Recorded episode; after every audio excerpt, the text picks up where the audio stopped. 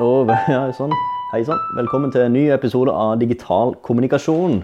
I dag så tenkte jeg skulle ta en eh, prat om budsjettfordelinger. Så når vi har ja, når, når du kjører eh, kampanje, eller om du har en årlig eh, greie, så er det veldig fort gjort å fordele budsjettet feil. Eller at man kjører absolutt alt på én ting som eh, man har god erfaring med, men glemmer da at eh, det er litt viktig med utvikling også. Så når kaffen er klar, så skal jeg sette meg ned. Da skal jeg sette meg ned med, med dataen hvor jeg har lagd en liten liste over hvordan du kan fordele budsjettet. I all hovedsak så baserer det seg litt på noe jeg skrev for en eh, ganske god stund siden. Jeg skrev for halvannet år siden ca. noe om en 70-20-10-modell. Og hvordan du kan fordele ditt annonsebudsjett basert på denne 70-20-10-modellen. En 70-20-10-modell er ikke veldig nytt. Det brukes i veldig mange sammenhenger. Og i dag så har jeg tenkt å prate litt om hvordan du skal bruke det i markedsføringssammenhengen.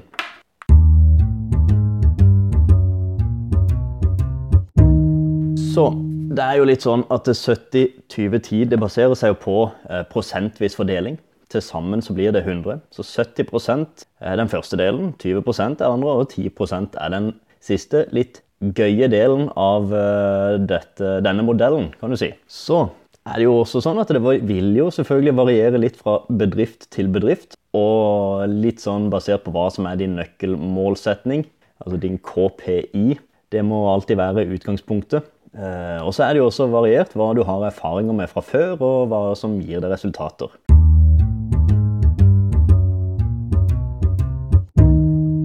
«70 av budsjettet.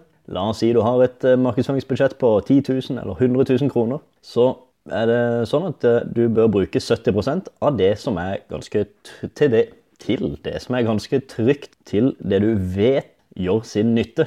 Så om du har 100 000 i markedsføringsbudsjett, så er det altså 70 000 kroner som skal gå til det du vet fungerer.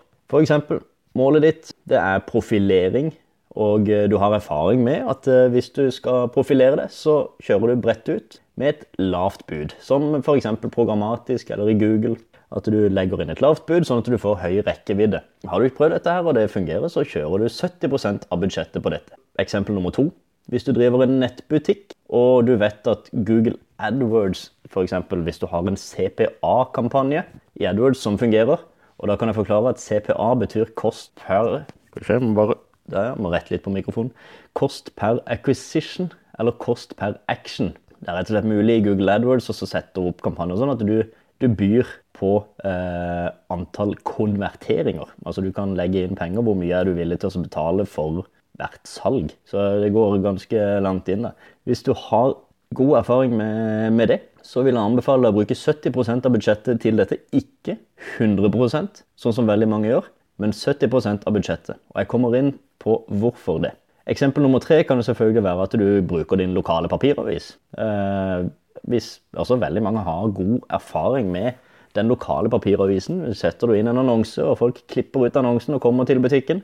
Det er faktisk folk som gjør det fortsatt. Og hvis du vet at det fungerer for din butikk, så bør du bruke 70% av budsjettet til dette.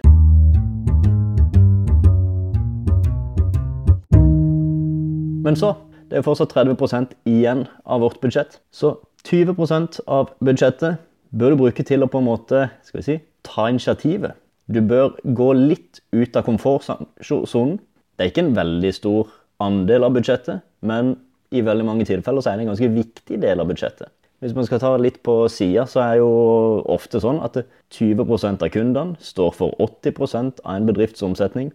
Hvis, jeg vet ikke helt om vi kan dra noen eh, direkte paralleller her, sånn, annet enn at 20% av budsjettet kan være en ganske viktig del av budsjettet. Eksempel nummer én, da. Hvis du har brukt 70% av budsjettet ditt til profilering, altså at du kjører det ut med et lavt bud og treffer god rekkevidde, så bør 20% av ditt budsjett gå til konvertering. De som faktisk har klikka på din annonse, besøkt din webside eller lignende. Du bør jo da selvfølgelig spare en liten andel av budsjettet, f.eks. 20% til konvertering. Altså at du gir et konkret tilbud til de som har vist interesse for din profilerende annonse. Eksempel nummer to. Vi var jo inne på dette med CPA, eller Cost per Acquisition, eller på Cost per Action. Hvis det fungerer strålende, så nevnte jeg jo det at du bør ikke bruke 100% av budsjettet til dette. Årsaken til det er at du bør gjerne legge 20% av ditt budsjett til å fiske inn nye kunder. Altså at du bør kanskje bruke 20% av ditt budsjett til en profilerende annonse. Til å spre navnet ditt ut der til folk du ikke kjenner. Kanskje nettopp eh, målrette det til de som ikke har besøkt din webside, men gjerne har en målgruppe i Facebook eller eh, andre steder. Sånn at du kan muligens hente inn nye kunder. Dette gjør at du holder bedriften din litt mer levende, og at du hele tida har muligheten til å sanke inn noen nye salg. Eksempel nummer tre. Vi var jo også inne på dette med din lokale papiravis. Hvis det er noe som skaffer kunder godt, hvis du bruker 70% av ditt budsjett til å annonsere i din lokale papiravis, så bør du bruke 20% av ditt budsjett da, til eh, Du bør gå litt ut av komfortsona eller litt, ta initiativet på, på andre plattformer. F.eks. Google eller Facebook. Du kan kanskje målrette dette til en målgruppe. Eh, folk som er interessert i ting som assosieres med ditt produkt. Eller rett og slett bare kjøre lokasjonsbasert nær din butikk. En kilometer unna din butikk f.eks. Eller faktisk ned til 500 meter. Noen er jo så ille at du kan gå ned til 50 meter. Ikke at det fungerer veldig bra i en liten by, men muligheten er der. Og så er det til den gøye delen av budsjettet, for det er fortsatt 10% igjen. Nå har vi brukt 90% av vårt budsjett, og vi har egentlig ganske god kontroll på det budsjettet. Så 10% av budsjettet, det vil jeg egentlig kalle for crazy, go crazy. Det er den gøye delen av budsjettet. Det, det er jo å gjøre noe helt nytt. Som sagt, du har kontroll på 90% så nå gjelder det å bruke 10% av budsjettet til utvikling, kan du si. Finn på noe nytt, gjør noe helt nytt, noe du aldri har prøvd før. Et eller annet moro. Enten funker det, eller så lærer du noe. Eksempelvis da, har du ikke prøvd Snapchat. Snapchat kom med muligheten for å annonsere i fjor sommer. Har du ikke prøvd det, prøv dette. Har du 100 000 i totalbudsjett, så rett og slett bruk 10 000 av budsjettet ditt til å prøve Snapchat. Se om det funker. Har du 10 000 i budsjett, totalbudsjett altså, så bruker du 1000 kroner på å prøve Snapchat. Det holder til et par dager, du ser hva du får igjen for det. Du lærer noe. Hvis du vil gå sånn super crazy, så kan du alltids hyre inn en treåring til å bestemme hva du skal gjøre med budsjettet. En sønn eller datter eller hva enn det er du har for noe. Spør, spør og prøv. Jeg aner ikke. Kanskje det funker. Du blir i hvert fall Mer sannsynlig så kommer du med et eller annet innovativt, enten det funker eller ei. Nå har jo også Snapchat kommet med den muligheten til at du kan lage egne linser, altså med Snap Lens uh, Nei, jo, Lens Studio heter det faktisk, fra Snapchat. Uh, lag en linse og få noen til å gå gatelangs med en uh, Snapcode-plakat. Hvem vet? Jeg har ikke prøvd det. Jeg vet ikke om noen som har prøvd det. Noen bør kanskje prøve det. Kanskje det funker. I bunn og grunn så er det viktigste med den 10 av budsjettet da, er at du skal gjøre noe nytt. Årsaken til det er at du rett og slett slipper å henge igjen i det samme gamle. Du prøver hele tida noen nye muligheter. Hvem vet, kanskje den nye muligheten blir din hovedplattform etter hvert. Det finner du ut av. Om det er noe nytt for deg med Google, om det er nytt for deg med Facebook, programmatisk, Snapchat, LinkedIn, eller om det er helt nytt for deg med din lokale nyhetsavis, så prøv det, da vel. 10 av budsjettet. Enten funker det, eller så lærer du noe. Vinn-vinn.